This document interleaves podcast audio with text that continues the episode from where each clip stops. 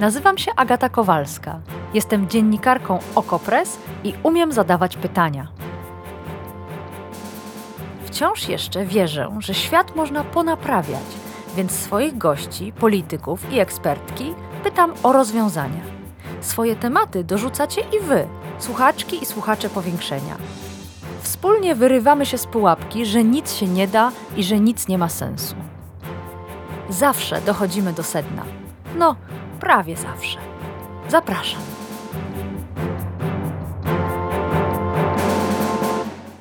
Międzynarodowy Trybunał Karny wydał w piątek nakaz aresztowania prezydenta Rosji, Władimira Putina. Konkretny zarzut to uprowadzanie i wywożenie ukraińskich dzieci w głąb Rosji. Te same zarzuty Trybunał w Hadze postawił Marii Lwowej-Biełowej, czyli rosyjskiej komisarz praw dziecka.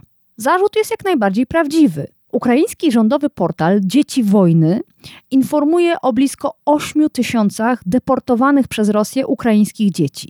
O tych porwaniach piszemy więcej w Okopres. A jak na wieści z Hagi zareagowała Moskwa?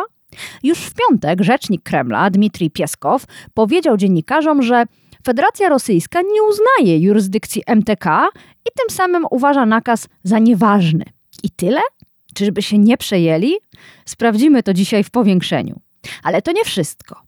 Federacja Rosyjska rzeczywiście nie jest objęta jurysdykcją Trybunału w Hadze, ale 123 inne państwa już jak najbardziej są.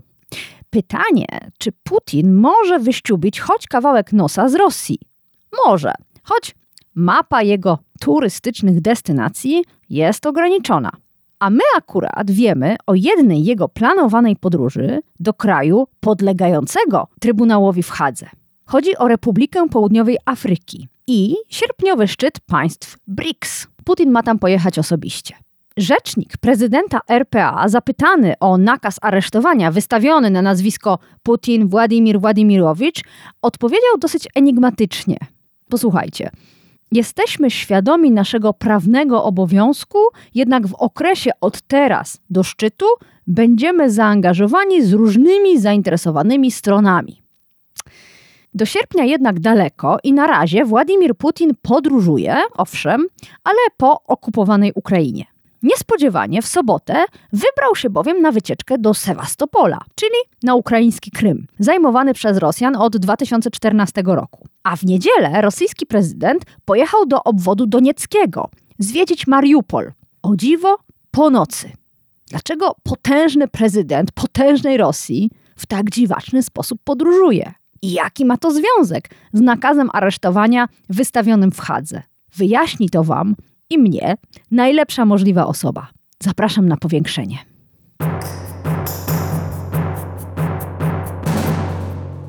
A naszym gościem jest Agnieszka Jędrzejczyk, dziennikarka Okopres i autorka cyklu Gawarit Moskwa, analizującego rosyjską propagandę od 24 lutego ubiegłego roku. Dzień dobry, Agnieszko. Dzień dobry, Agato, dzień dobry. To zacznę od y, dowcipu, słabego wprawdzie, ale taki krąży, ponoć po Rosji. Zachód chce aresztować naszego prezydenta, prędzej to on ich wszystkich aresztuje. Tak poprawiają sobie humory Rosjanie i zastanawiam się, jak to wygląda z perspektywy rosyjskiej propagandy, reżimowych mediów. Czy też opowiadają dowcipy, czy boją się? Propaganda ma z tym ogromny problem, bo to, co zrobił MTK, to nie jest działanie z zakresu nie wiem, prawa, stosowania przemocy, aresztowania, to jest działanie symboliczne. I w symbolice władzy ogromne to ma znaczenie. Propaganda poświęciła w wieczornych wiadomościach, a one są długie, mają w tygodnia mają półtorej godziny, w niedzielę mają trzy godziny, ja to dokładnie policzyłam, 45 sekund. To mm, myślałam, że nie da się. Przepraszam, ale myślałam, że powiesz 45 minut i tak mnie zaskoczyłaś. Nie. Ja musiałam to dwa razy oglądać, żeby po prostu znaleźć ten fragment, bo go przegapiłam za pierwszym razem. Tylko, że wiesz, jednocześnie masz przekaz, w którym widać, że w pokoju stoi wielki słoń, a wszyscy starają się o tym nie rozmawiać. I to, to naprawdę widać, bo nagle głównym bohaterem wiadomości rosyjskich jest prezydent Trump, który ma mieć sprawę przed sądem, że wszyscy się roztliwiają, jak to ciężko ma Macron, że może go będą chcieli obalać. Czy opowiadanie o tym, że Zachód ma takie obyczaje, że, że obala swoich świętych władców, to, to jest nagle temat mm -hmm. trzech wieczorów. Mm -hmm. Więc widać, że coś się dzieje, a jednocześnie Zaczyna się niesamowita taka mechanika władzy, ponieważ wszyscy oficjele śpieszą do mediów, żeby powiedzieć, jak bardzo się nie zgadzają z decyzją Hagi. I masz efekt, że po prostu całą przestrzeń informacyjną zalewa zdanie, w którym oczywiście zaczyna się od nie, ale nie, nie, nie ma znaczenia w komunikacji. Tak? To, to zdanie brzmi: Putin jest przestępcą.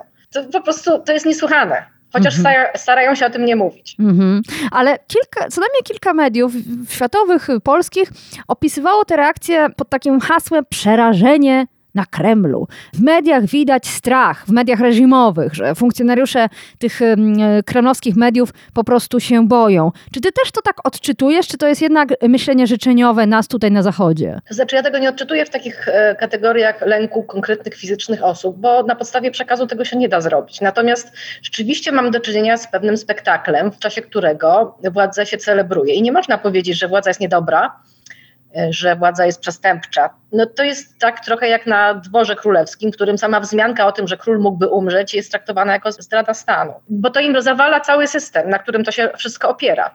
E, jeżeli urzędnicy teraz muszą jeden przez drugiego mówić o tym, że oni się nie zgadzają z Trybunałem w Hadze, to mówią to straszne zdanie, że Putin być może jest przestępcą. A jesteśmy akurat w takim momencie propagandy, to jest wyjątkowo niewygodne, bo oni właśnie zmienili przekaz z takiego, że tutaj Putin jest najważniejszą osobą na świecie i to, co on chce, to ma być zrealizowane. Mamy teraz Putina troszczącego się, Putina, który prosi swoich poddanych o to, żeby jednak go wsparli na wojnie, że to jest, że poddani muszą mu uwierzyć, że to jest wojna z Ameryką, a nie z Ukrainą że co prawda Ameryka mówi, że to nie ona, że ona nie ma takich żadnych planów co do Rosji, ale to nieprawda. Putin naprawdę chodzi na spotkanie i mówi, że musimy się konsolidować, potrzebna jest nam mm -hmm, wasza mm -hmm, pomoc. Mm -hmm. A tu nagle komunikat... A tu nagle mhm. Putin jest przestępcą mhm. i że być może nie należy się z nim konsolidować na wszelkie wypadek. Mm. To naprawdę jest trudne. No proszę. Tak, ja y, się zgadzam z tobą, że rzeczywiście nasza uwaga w piątek była skupiona na tym, jakie są przepisy dotyczące nakazów aresztowania wydawanych przez Hagę. E, wszyscy nagle na gwałt czytali statut rzymski, a symboliczne znaczenie tych wydarzeń, e, a zatem naszego postrzegania tego przerażającego Putina się zmienia e, dzięki decyzjom takich poważnych instytucji jak Międzynarodowy Trybunał Karny. No ale a propos reakcji, niektórzy postrzegają jego weekendowe wycieczki jako reakcję na piątkowe wieści z Hagi, a inni tłumaczą, że to nic takiego, nic takiego, bo akurat była rocznica przejęcia Krymu ukraińskiego. Jak ty rozumiesz ten wybór, ten kierunek? Sama w tekście w Okopres piszesz, że to było znaczące. Dlaczego? I co to w ogóle miało oznaczać? Na razie zajmijmy się sobotą. To znaczy, że Putin po raz pierwszy pojechał tak blisko frontu. Nie zrobił tego ani kiedy jeździł prezydent Zełęński do Bachmutu, do Hersonia, ani kiedy prezydent Biden przyjechał do Kijowa. Putin zawsze był z dala. A druga rzecz jest taka, że rzeczywiście były obchody aneksji Krymu, tylko że te obchody niekoniecznie być może Putin niekoniecznie by się chciał z nimi teraz jakby asocjować, bo to nie są obchody pod hasłem na zawsze z Rosją, Hasło tych obchodów brzmi, uwaga, od dziewięciu lat razem. Oni nie są już pewni, jak długo to jeszcze potrwa. Naprawdę, to y, propaganda jest pełna zapewnień, że nie oddamy ani guzika, że się okopiemy, że jesteśmy świetnie przygotowani. Rok temu nie było tym mowy. Urzędnicy krymscy okupacyjni chadzają na strzelnice. A w dniu, w którym Putin przyjechał do Sewastopola, e, mieszkańców uspokojono, że te huki, które słyszą, to to tylko jest strzelanie na, na strzelnicy z moździerzy. No, więc e, wycieczka na Krym, po pierwsze, ona chyba nie była tak do końca planowana jako osobista. Znaczy, na pewno nie była planowana jako osobista. E, sami urzędnicy krymscy mówią, że oni się spodziewali połączenia telewizyjnego z Putinem, tak jak on to ma w zwyczaju. Przecież on nawet metro w Moskwie otwiera zdalnie, tak? Nie pojedzie do tej Moskwy, tam, tylko mówi przez telewizor, żeby pociąg pojechał. A po czym wnosisz, że to było spontaniczne, użyjmy tego słowa z e, słownika propagandy, że Władimir Putin po prostu rano się obudził i pomyślał, a odwiedzę Sewastopol. E, to po czym wnosi, że to, że to była jednak nagła decyzja? Wiesz co, ja, ja, tego naprawdę nie wiem, ponieważ z propagandy tego się nie, nie, dowiemy. Ważne jest to, że tak mówi propaganda, że to było spontaniczne i to w sumie jest dość straszne, ponieważ naczelny dowódca nie jedzie na front, bo mu się tak wydaje, tak? I oficjele e, muszą o tym wiedzieć. To państwo powinno być przygotowane na okoliczność, że prezydent państwa przyjeżdża niedaleko działań wojennych. Tymczasem oni nam sprzedają historykę, że on po prostu wsiadł w helikopter i poleciał. Z drugim helikopterem, w którym miał swój samochód, którym jeździł tam jako dzielny wódz. To, to się nie trzyma kupy. To znaczy nigdy nie było takich opowieści, że, że właśnie trzeba pojechać na front, to się weźmie helikopter do walizeczki i się tam poleci. To przyjrzyjmy się temu, co tam na miejscu się działo. Z kim Putin tam się spotykał, z kim rozmawiał, z kim dał się fotografować. Jaka była treść tej soboty? No, dowiedzieliśmy się o tym dopiero po zakończeniu e, etapu e, krymskiego, że tak powiem, że tam w ogóle miało to miejsce, takie spotkanie i ono było takie symboliczne, bo rzeczywiście Putin wylądował w Sewastopolu i znalazł się w takim parku, który rozbudowuje w tej chwili Rosja, który święci korzenie państwowości rosyjskiej. To jest Hersones Taurycki, to jest starożytne osiedle greckie, w którym rzekomo wedle Podlań miał się ochrzcić święty Waldemar Wołodymyr Włodzimierz. I w ten sposób e, ochrzcił całą Ruś. To jest miejsce chrztu Rusi. I tam jest cerkiew, którą fundowali carowie Rosji, żeby pokazać, że oni się stąd wywodzą. To jest bardzo symboliczne. To znaczy -hmm. Putin nie pojechał spotykać się z ludźmi, mm -hmm. pojechał na święte miejsce e, początków Rusi, żeby pokazać, że on ma prawo do, do Krymu. I tam y, on chodził po zamkniętej przestrzeni, nie wiadomo ile tym samochodem jeździł, ale sądzę, że niedużo. Otaczali go urzędnicy i, i zakonnicy i popi, tak? więc to było takie dziwne towarzystwo. I nie było tam żadnych zwykłych ludzi tak zwanych. I potem jeszcze wieczorem, to jest też charakterystyczne, on się udał na to miejsce, bo najpierw zwiedzał jakiś budynek, którym pokazywano mu przez rocza, jak fantastycznie Herzones Taurycki będzie rozbudowywany, to miejsce kultu rosyjskiego, a wieczorem, jak już było zupełnie ciemno, poszedł tam. I tam słabo widać, co robił, ale był w cerkwi, w tej, w tej właśnie cerkwi, której y, święty Waldemar y, Wołodymir y, dał się ochrzcić, w tym miejscu przeciwna wycieczka, jeśli chodzi o. Bo, bo, nie pytał się ani o to, jak się ludziom żyje, ani jaka jest sytuacja na froncie, ani czy są przygotowania, ani czy czego nie brakuje. W ogóle nie było tego w tej, mm. tej wycieczce. No, wspólny motyw z wycieczką niedzielną to te ciemności, e, więc przenieśmy się do Mariupola, bo to był drugi kierunek obrany przez Putina.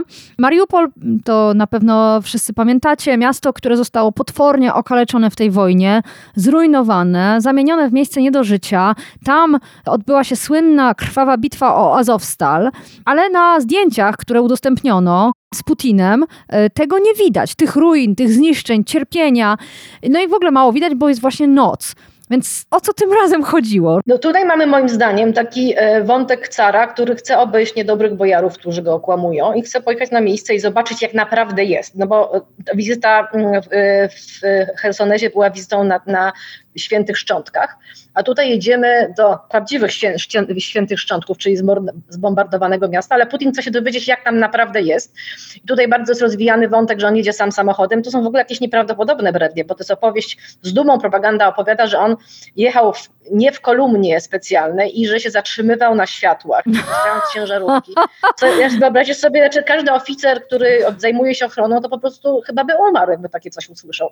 Przypuszczam, że to był spektakl. Znaczy niektórzy mówią, że to był w ogóle sobowtór, ale tak, jeśli mówimy o spektaklu, to, to troszkę nie ma znaczenia. Ale tak, e, tak właśnie nasz słuchacz między innymi pyta. To w ogóle nie był Putin, bo jest zbyt opuchnięty i na zdjęciach wygląda inaczej. Ja w ogóle nie wiem, co to jest Putin, wiesz, tak, tak naprawdę. To, w każdym razie chodzi o postać, która odgrywa e, symbol władzy w Rosji. Tak? Ta, mm -hmm. ta postać, obsadzona mm -hmm. w tej roli, jechała samochodem i sobie rozmawiała, o, omijała blokposty, jechała w jakichś ciemnościach, a potem też zdumiewające, pojechała do jedynego osiedla, które jest odbudowane w Mariupolu. Ja to osiedle znam świetnie, bo ono jest regularnie występuje w telewizji w roli głównej pod tytułem Sukces w Mariupolu. Rozpoznajesz po firankach. E, tak, bo to, to jest jedyne osiedle, które oni tam zbudowali, mhm. bo i są takie sygnały, że tam w ogóle idzie bardzo źle, że jakby bardzo się starają, ale jakoś nie udaje im się odbudować. W tej chwili właśnie były z tej wycieczki Putina były takie sygnały, no, że oni teraz właśnie doszli do wniosku, że jednak nie mogą całkowicie zrównać centrum miasta i zbudować go od nowa, że tam jednak były jakieś zabytki, że trzeba te zabytki, ale no to jeszcze tam zajmie półtora roku. To jest dość makabryczne. I tam się spotkał Putin z tak zwanym społeczeństwem dość, nie wiem, pięć, sześć osób stało przed blokiem. A to nie byli ci sami co zawsze, bo to już zaczęliśmy się za, właściwie zaprzyjaźniać z tymi osobami, które grają jak nie pielęgniarkę, to żołnierkę, to zmartwioną matkę. Są za wiecznie te same twarze, ale tym razem były jakieś nowe? Oni byli okutani dosyć, bo było zimno i też Putin, Putin miał fajną kurtkę bo Putin się przebiera podczas tej podróży, to jest też coś ciekawe, ale to może potem sobie to powiemy. Te osoby były obsadzone w roli niezadowolonego społeczeństwa, to znaczy on, oni wyrażali e, miłość do Putina, ale jednocześnie mówili, że oni nie dostają pensji za to, co robią, a odbudowują Mariupol, że stracili wszystko na wojnie i że owszem dostali mieszkanie, ale w tym mieszkaniu nie było nic i oni w zasadzie muszą sobie wszystko kupić.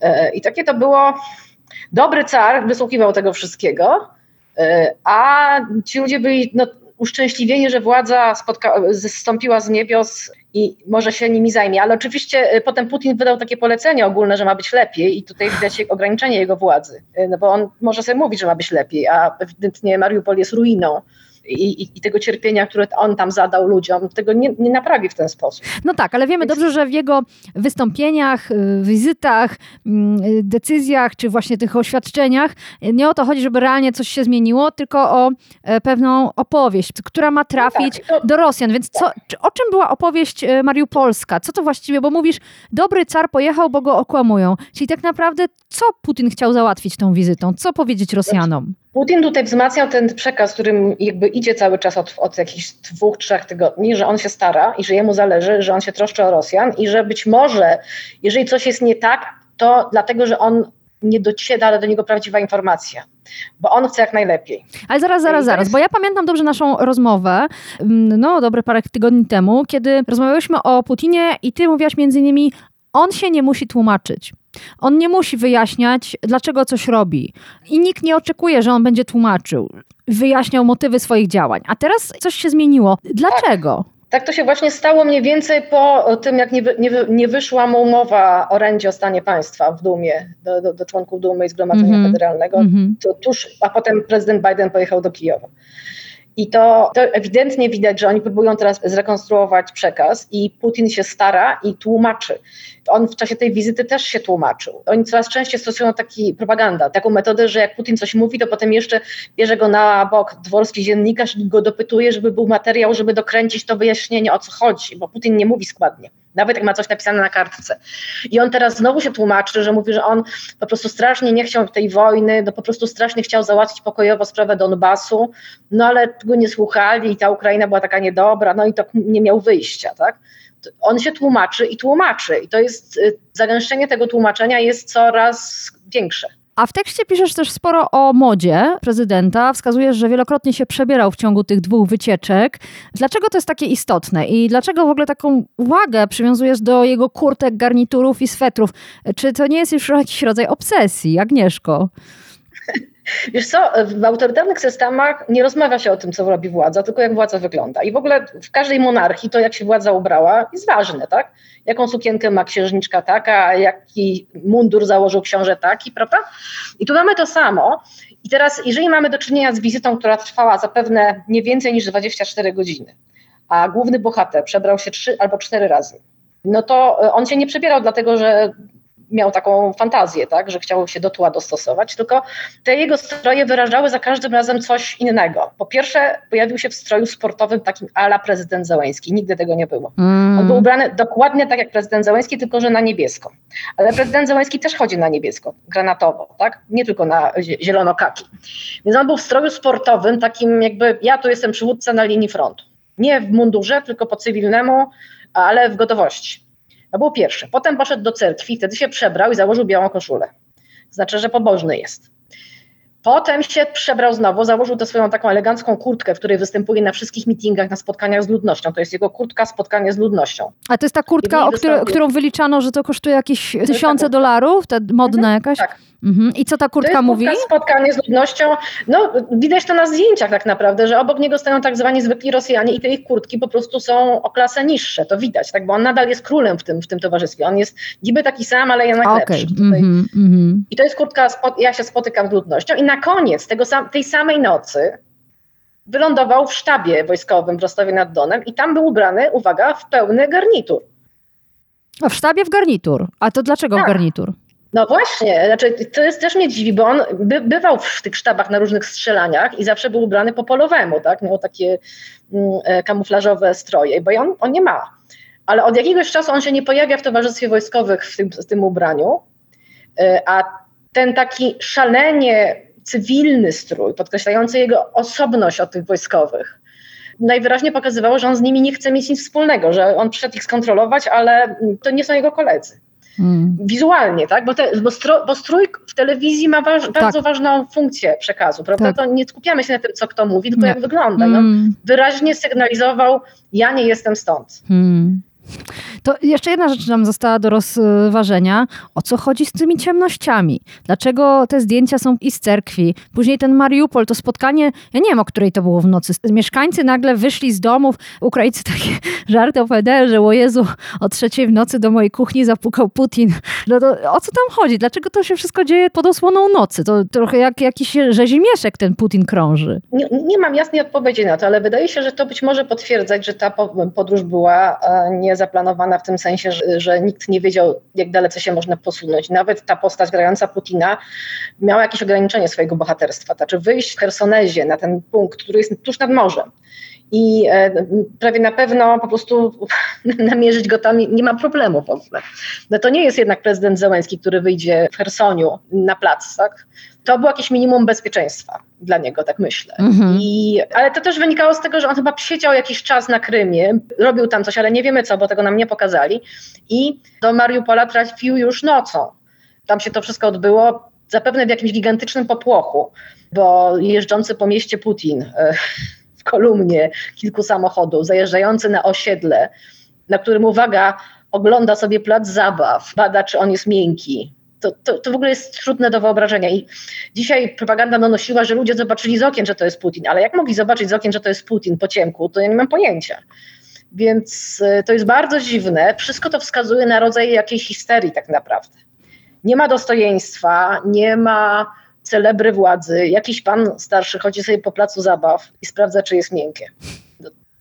To nie ten Putin, którego mieliśmy do tej pory. No Putin tak? opiekun, no sama powiedziałaś, Putin opiekun małych dzieci i ich zabaw tak. w piaskownicy. W przeciwieństwie do Putina, który wywozi dzieci do Rosji. I to też pokazuje, jak oni strasznie przeżyli to, co się stało.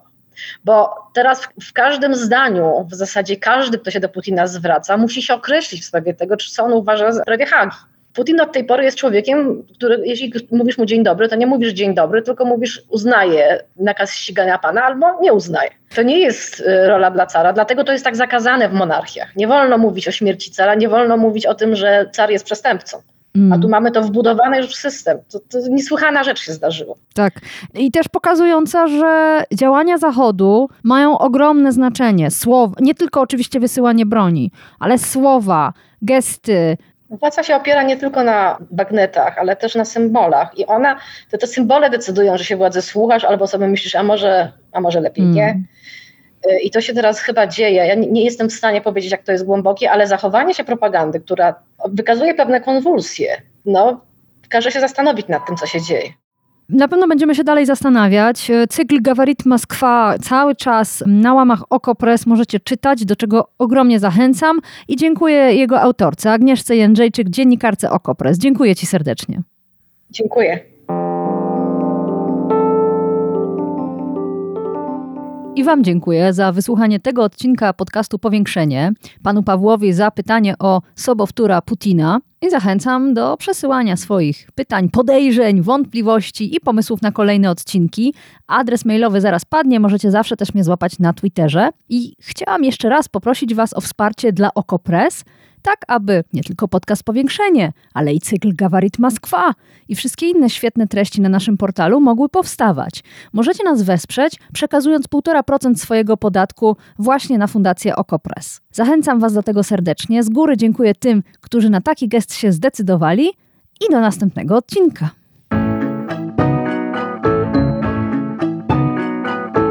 To było Powiększenie, podcast Agaty Kowalskiej. Produkcja Bartosz Weber. Powiększenie znajdziesz na stronie Okopres i w Twojej ulubionej aplikacji do podcastów. Masz pomysł na temat albo komentarz? Napisz do mnie agata.kowalska małpaoko.press. Stałych darczyńców zapraszamy na grupę Okopres na Facebooku Twoja okolica. Tam też toczymy dyskusje o świecie i o podcaście.